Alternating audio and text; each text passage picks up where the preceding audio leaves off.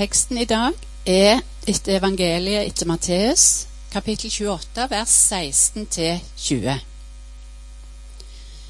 Men de elleve disiplene dro til Galilea, til fjellet der Jesus hadde sagt han ville møte dem. Og da de fikk se ham, falt de ned og tilba ham, men noen tvilte. Da trådte Jesus fram og talte til dem. Jeg har fått all makt i himmelen og på jorden. Gå derfor og gjør alle folkeslag til disipler. Døp dem til Faderens og Sønnens og Den hellige ånds navn, og lær dem å holde alt det jeg har befalt dere. Og se, jeg er med dere alle dager inntil verdens ende. De neste ukene i bymenigheten så ønsker vi å introdusere noen av tankene og verktøyene knytta til noe som vi kaller for Agenda 1. Agenda 1, hva er det navnet for noe? Jo, det er jo et uttrykk for hva vi tenker som menighet er først på agendaen. De eh, siste to og et halvt årene har vi vært eh, for andre gang med i en eh, prosess som heter Agenda 1, lærings, et læringsfellesskap for menigheter. Vi var med i den første runden også for en eh, ti års tid siden med utgangspunkt i Imi-kirken i Stavanger. Dette har spredt seg og er en, eh, en måte å møtes menighetsteam, lederteam, fra ulike kanter av en region regelmessig for å være sammen bare som menighet, og også sammen med de andre i bønn og lovsang, lytte til Gud og spørre seg hva er det Gud kaller oss til å gjøre nå. Så er det litt undervisning, men det er først og fremst en slags forpliktelse til å arbeide med vår egen menighet og stille noen viktige spørsmål om hvor vi er og hvor vi skal gå. Jeg kan jo nevne at Agenda 1 det har fått stor betydning i Norge, men har fått kanskje enda større betydning internasjonalt. og Det er nå spredt som et verktøy i, i ganske mange land, både i Asia og Afrika. Mali var siste land utenom Mauritania. Og, og i, i Sør-Amerika så har Cuba blitt med. I Thailand og Kambodsja er dette store greier. Det har vist seg å være et enkelt, men samtidig kraftfullt verktøy for å få kristne til å komme sammen, kristne ledere, og til å jobbe med hva er først på agendaen vår. Kanskje er det sånn at en må være med for helt å forstå. for Når vi underviser litt om dette, og jeg ønsker at vi skal snakke om litt om det i gruppene, så, så kan det godt hende at folk vil si jo, men er det noe nytt i dette. Har ikke vi hørt dette før? Det handler egentlig først og fremst om at vi hele tiden trenger å minne oss på verdiene våre og spørre hva, hva er det nå, Gud, hva er det som skjer i neste perioden. Og Det er tre viktige spørsmål som vi stiller, tre veldig enkle spørsmål som hele tiden går igjen hver gang eh, vi som ledere har møtt hverandre og spurt oss hva gjelder nå. Og De tre spørsmålene er hva er? Hva er situasjonen nå? Hvordan har vi det nå? Hva, hva er det som skjer nå? Og så Neste spørsmål er hva kan bli? Hva drømmer vi om? Hva drømmer Gud om? Hva er det han vil med oss nå? Hva kan bli? Og så det tredje hva blir? Hva må vi på en måte ta noen skritt i forhold til for å realisere noe av det vi tror Gud ønsker at vi skal gjøre for de neste månedene? Så hva er her i Norge? Jo, hva er nå situasjonen for menighet og misjon i Norge? Ifølge Dawns undersøkelse fra 2010 så finnes det i Norge 211 200 såkalt aktive kristne fordelt på 2612 menigheter. Det var i 2010. Og disse utgjør i underkant av 5% av befolkningen i Norge. Å være aktiv kan jo noen si er et vanskelig ord å definere. hva betyr det? Man har valgt å si at det handler om å være regelmessig med i et kristen fellesskap minst én gang i måneden. Det betyr at 95% deltar svært sjelden eller aldri i en kristen sammenheng. Hva kan bli? Hva kan bli? Hva drømmer vi om? Vi lar oss ikke bli grepet av mismot. Dette å komme sammen, små og større grupperinger, er jo nettopp for å si at ja, vi kan ikke gi opp. Vi må jo spørre oss om ikke Gud har en plan for vår nasjon også. Det er ingen grunn til å la seg stanse av lave prosenttall, for disse fakta er ikke hele sannheten. Sannheten er at Gud både kan og han vil nå Norge med sin frelse og sin godhet gjennom å sende sin kirke til verden. Og uansett omstendigheter, statistikk, fakta som kan, kan synes brutale, så er Gud den samme. Jesus er i går og i dag den samme til evig tid. Og han vil en kirke som flytter Guds rike livet ut av våre egne hus og ut i andres virkelighet. i det livet som skjer der hvor mennesker er i Norge i dag. Vi tror altså både at Gud er den samme i går, i dag og til evig tid. Og så tror vi, som eh, Martin Cave pleier å si, mennesker har ikke sagt nei til Gud. De vet bare ikke hvordan han ser ut. Så hva blir, da? Hva blir for oss nå? Hva er de neste skrittene? Ja, det kommer jo litt an på hvem du er i forhold til menighet, hvor du står. Svaret på hva er mine skritt, individuelt eller i mitt mindre fellesskap, det er jo ikke sikkert det er så lett å svare på for meg. Men vi kan stille spørsmål litt stort. I alle fall så trenger vi dette spørsmålet hele tida i vårt strategiske arbeid. Jeg syns ikke det er så lett. Derfor må jeg alltid sørge for at jeg har med meg noen som er gode strateger. For jeg er litt sånn som fokuserer er vanskelig. Det er liksom så veldig mye spennende som skjer. Så jeg kan ha blikket mitt i mange retninger. Så da må noen andre rundt meg si Øyvind Vidar, kanskje vi skal gjøre det nå, og ikke det. Så der trenger jeg hjelp. Og Derfor er det viktig at vi har menighetsråd og vi har andre som liker og trives med dette her og sette en kurs for hva vi gjør som menigheter. Og det trenger dere kanskje i de mindre fellesskapene dere er i også. Agenda 1 er altså menigheter og fellesskap som går sammen for å nå flere med evangeliet. Og Det er ganske vakkert, det er ganske unikt faktisk at vi har fått gjøre dette sammen med ti menigheter i Sandnes. Noen av oss er veldig forskjellige. Vi er fra Den norske kirke, et par av oss. Vi er litt sånn hybrider i bymenigheten. Vi har Bogafjell med, og så har vi Sandnes frikirke. Fredheim har vært med.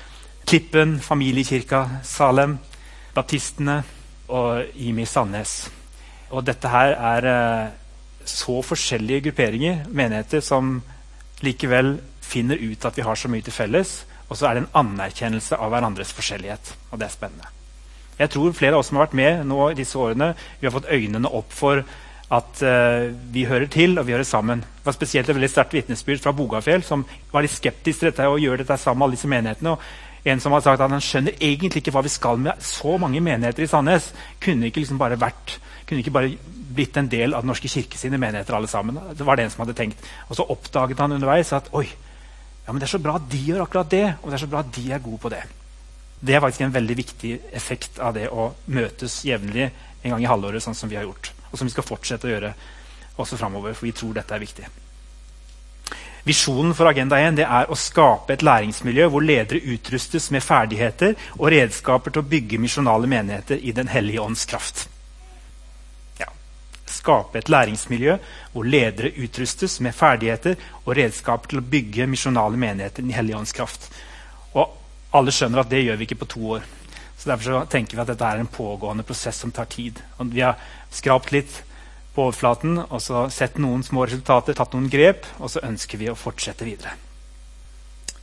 Men det er ikke bare disse spørsmålene hva er, hva kan bli og hva blir, som er viktig å stille seg sånn sånn type strategiske spørsmål. Kanskje skal vi ta et lite skritt tilbake og så skal vi se på disse spørsmålene som er rundt korset her. Og Det er også interessant hvis dere istedenfor å se på, de, på den måten, kan tenke på det som sirkler.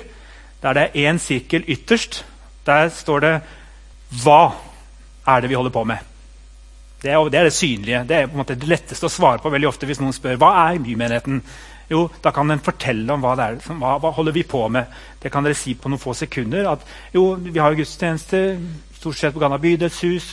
Det er en del som er i cellegruppe. Cellegruppe er sånn og sånn. Vi har en del barne- og ungdomsarbeid. Det er hva, på en måte. Og hvordan gjør de det? Jo, hvordan samles de? Hvordan er formen vår? Det kan en svare på. Det er ofte ganske synlige ting. Men det hvorfor-spørsmålet det er ofte skjult.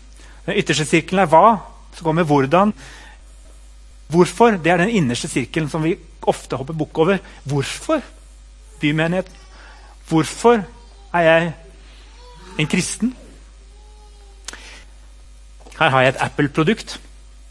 En iPad. Og Vi kan stille spørsmålet hva leverer Apple. Svaret det på hva Apple leverer, det fins overalt. I form av duppedingser. Og Så kan vi spørre hvordan er disse duppedingsene? Jo, de kan ha mange svar, alt etter vår opplevelse av produktene. Noen kan si at de har kjempeflott design, noen vil si at det er helt pyton. Noen vil si at de er spesielt brukervennlige, andre vil si at de er uakseptabelt dyre. Men hvordan-spørsmålet det hjelper oss til å finne de viktige fellestrekk ved produktene. Men hvis vi spør hvorfor driver Apple og lager produkter, så er på en måte det svaret litt mer sånn skjult. Da må vi kanskje snakke med de som starta det hele. Og det er klart at de tjener penger. Det er det mest sånn innlysende, Men det er mer enn det, for de hadde ikke drevet på med dette her hvis ikke det var en drivkraft som var mer enn bare penger. så vidt jeg forstår. Og de svarer sånn. Hvorfor? Det er trangen etter å sprenge grenser, utfordre status quo, det bestående. Sprenge grenser, det er hjerteslaget, lidenskapen og visjonen som ligger bak verdien og virksomheten til Apple. Det er det som får dem til å stå opp om morgenen og gå på videre. De har en sånn drivkraft som ligger bak en motivasjon. Det er derfor vi holder på med dette. Det er viktig å stille gode spørsmål. Og det er ikke uvesentlig hvilke spørsmål vi stiller. Vi stiller oftere spørsmål til det vi ser og observerer, enn til det vi ikke ser. Og Det høres kanskje selvsagt ut, men poenget er at det er ofte det som er skjult, som rommer det viktigste spørsmålet. Da må vi ta også eksempler fra Bibelen og fra det som er kanskje kjerneverset bak Agenda 1, og kanskje på en måte også ofte er det vi vender tilbake til når vi skal trekke en linje fra vår egen menighetsvisjon og til Bibelen. Det er Matteus 28, 16-20, som vi hørte lest i stad. Det som gjerne kalles for misjonsbefalingen. Noen kaller det for dåpsbefalingen. Eller vi kan kalle det for disippelbefalingen. For det er egentlig bare én befaling i denne teksten, og det er 'gjør disipler'. Og så handler det litt om måten og sånn etterpå, men det er det som er, det er befalingen. Vi kan stille de tre spørsmålene til den teksten, til den fortellingen om Jesus og disiplene. Først kan vi si hva er det Jesus ber dem om å gjøre? Jo, Det konkrete og sansbare delen av disippelbefalingen det er å holde alt det som Jesus har befalt sine disipler. Og For å finne ut hva det der var, hva var dette de skulle holde, og få andre til å holde, så er ikke det hva som helst, men det var knytta helt konkret til Jesu undervisning som han hadde gitt dem når han hadde vært deres rabbi, mester, gjennom tre år. Mye av det finner vi da i Bergpreika, f.eks. Lignelsen hans og fortellingen hans, der det både handlet om å, å bli en del av et liv som han skulle gi dem, et gudsrike liv, det handlet også om at det skulle ha konkrete følger for deres livsstil, deres veivalg og verdier. Det er hva de skal holde. Husk at dette handla ikke først og fremst om å få mest mulig kunnskap og vite mest mulig om. Det var mye mer praktisk. Det var det å holde, det var det å leve i det. Det var hva de skulle. Det å være disippel det var å være veldig tett på Jesus.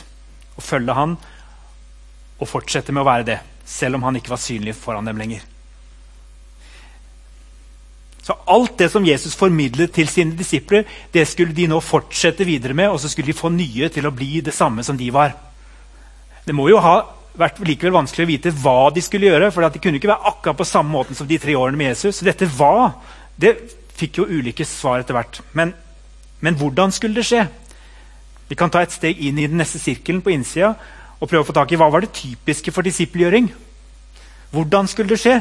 Jo, Det skulle skje ved at nye disipler ble døpt og lære dem å holde. Og Det er to ting i det å bli døpt og lære å holde som er viktig for oss å huske på når vi prøver å svare på hva det er vi holder på med. Hva er vår agenda igjen? Hva er det som ligger i dåpen?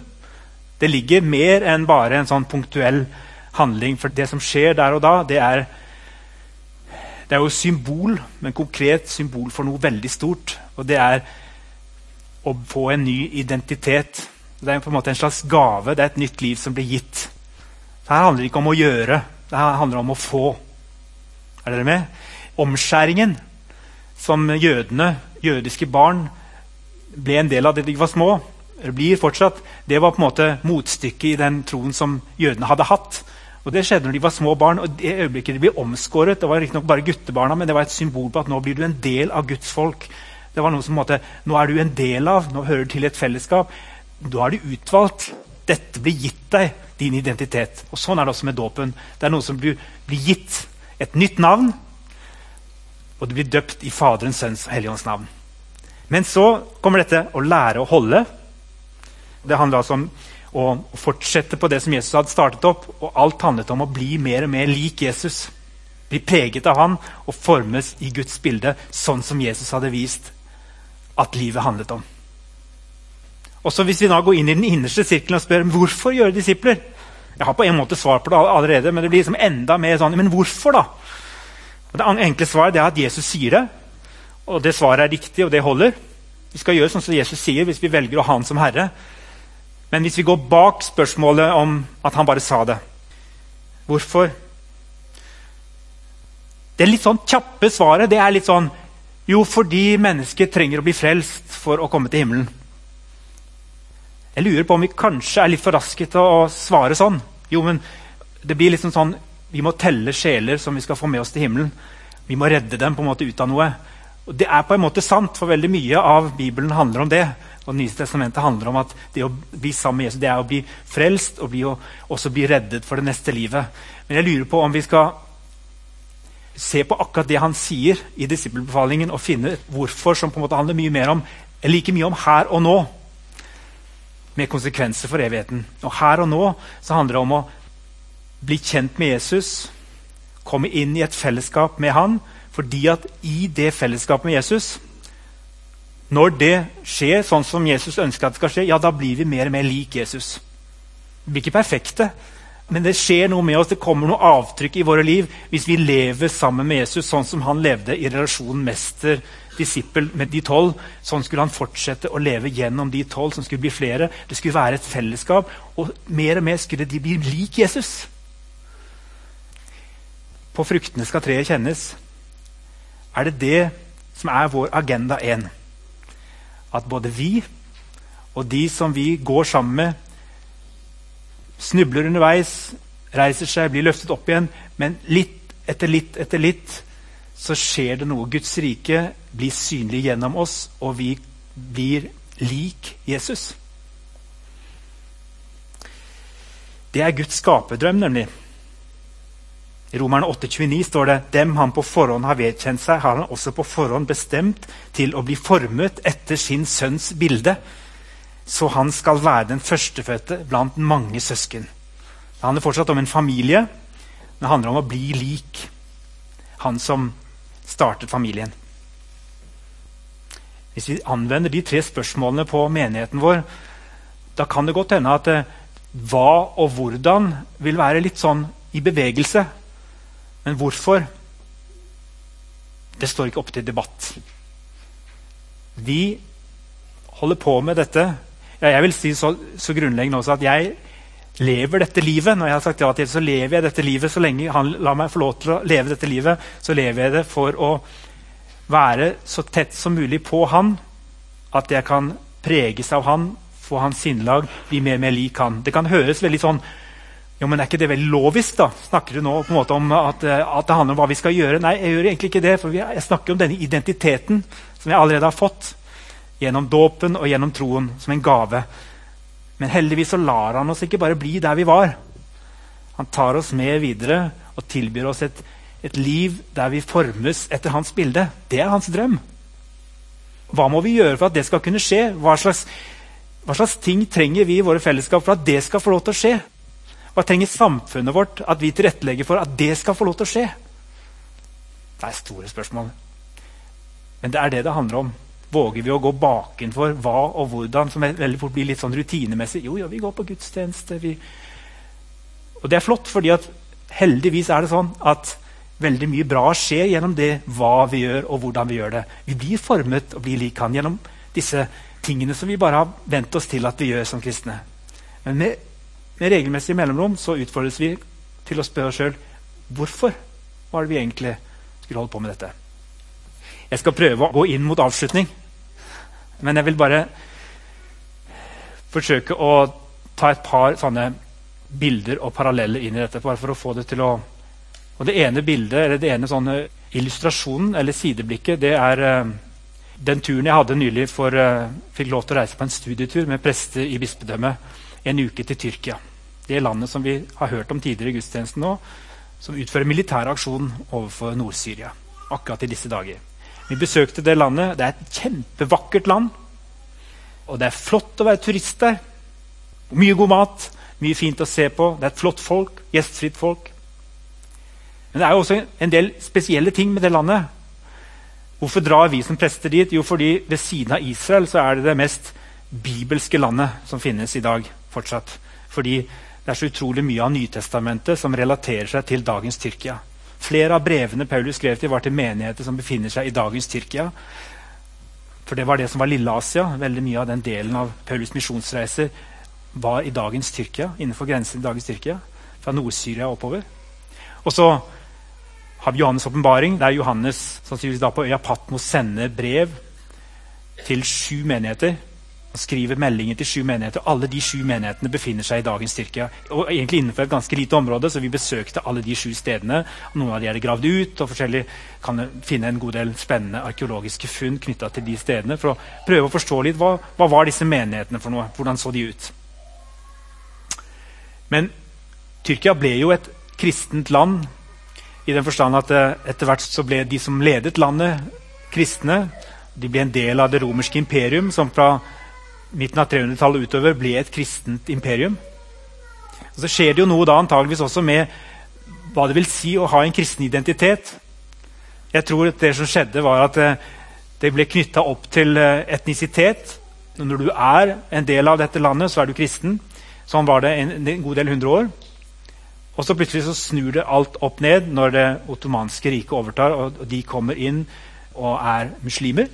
Og Derfor så blir hele folket i praksis muslimer. Det er noen få enklaver igjen noen hundre år etterpå. Faktisk Philadelphia som det står om Johans oppbaring, var en av disse stedene som fortsatte å være kristen ganske lenge.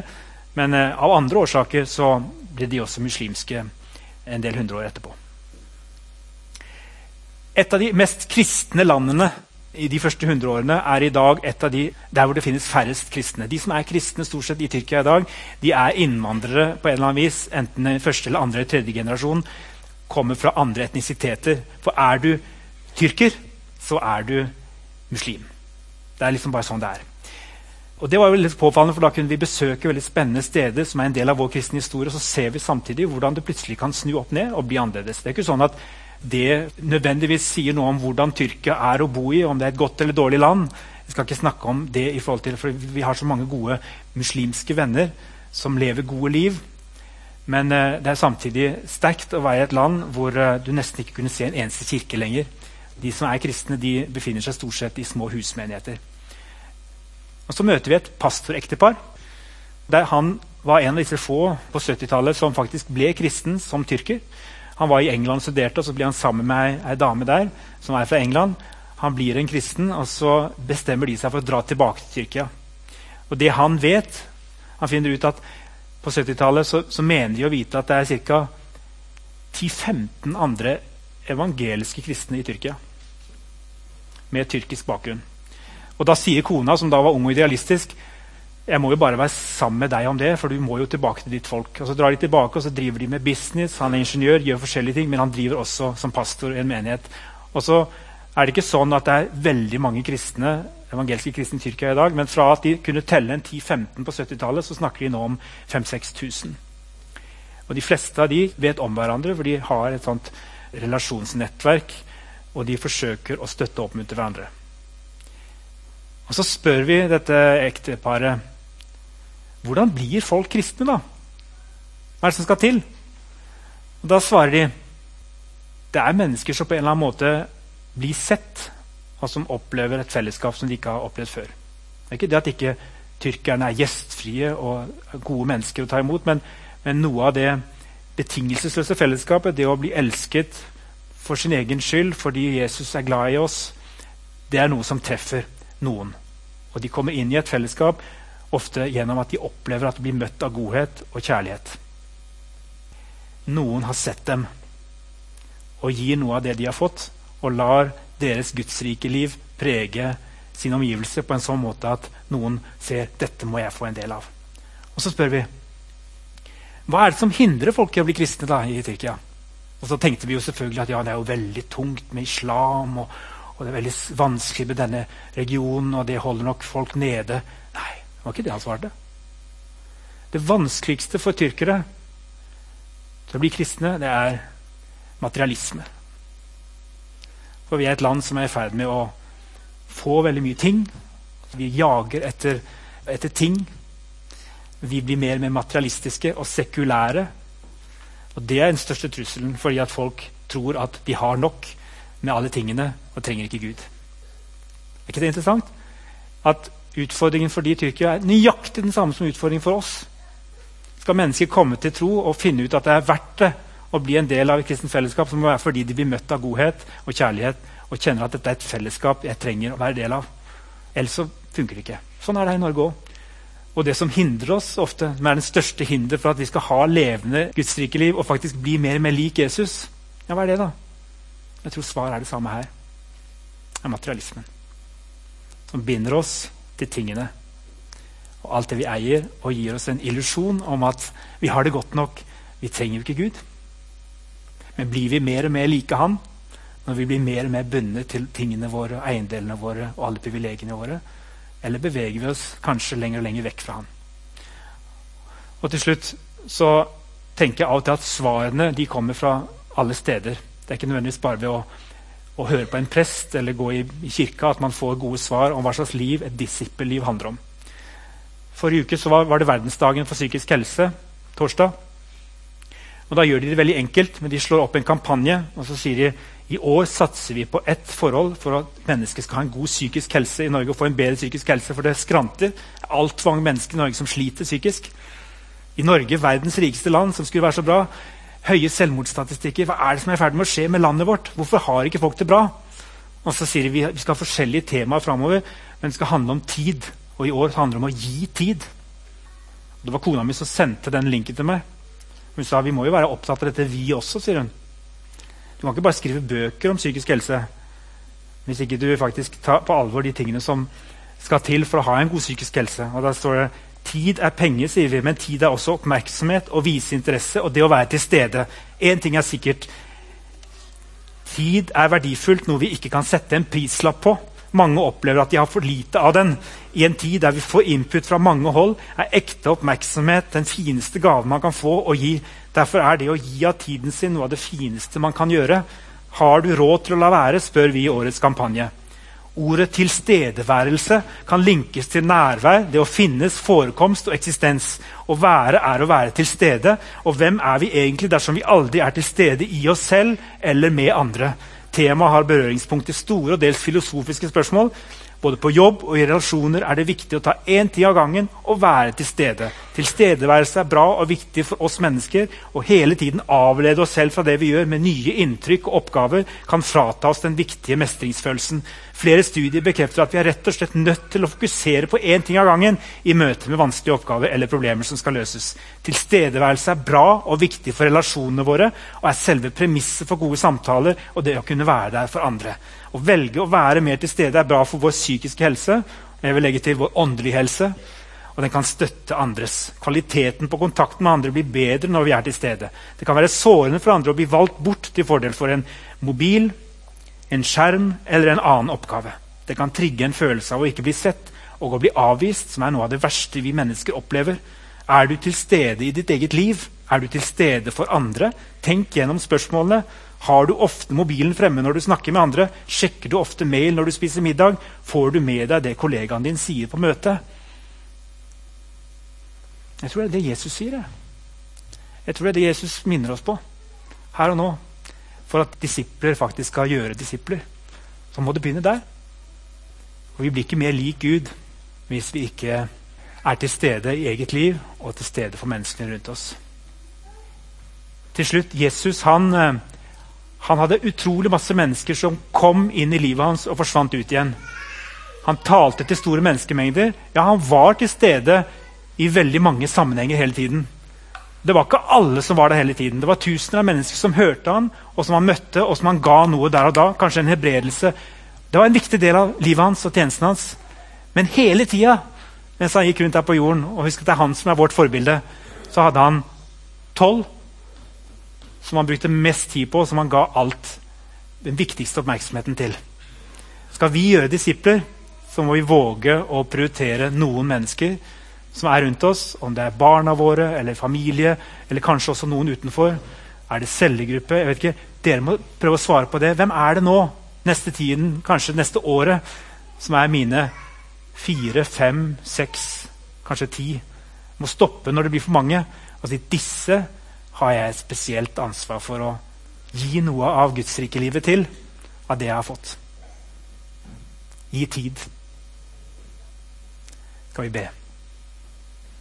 Takk, Herre Jesus, for uh, At vi får lov til å ha en ny identitet i deg. Og for at vi skal slippe å spørre oss sjøl om vi er kristne hvis vi har tatt imot deg som vår Herre og Frelser. Det er ikke det det handler om. Men takk for at du eh, forsiktig leder oss videre inn i et tettere forhold både til deg og til andre mennesker. Omvend oss hvis vi trenger å omvendes både fra tingene og fra alt det som binder oss. Sett oss fri, Herre, til å, til å være ekte i eget liv og ekte overfor andre. Til å ta vare på våre, både vår psykiske og vår åndelige helse. Leve ærlig. Ta imot din nåde hver dag. Og la ditt lys få lov til å bli synlig for andre mennesker rundt oss. Jesu navn. Amen.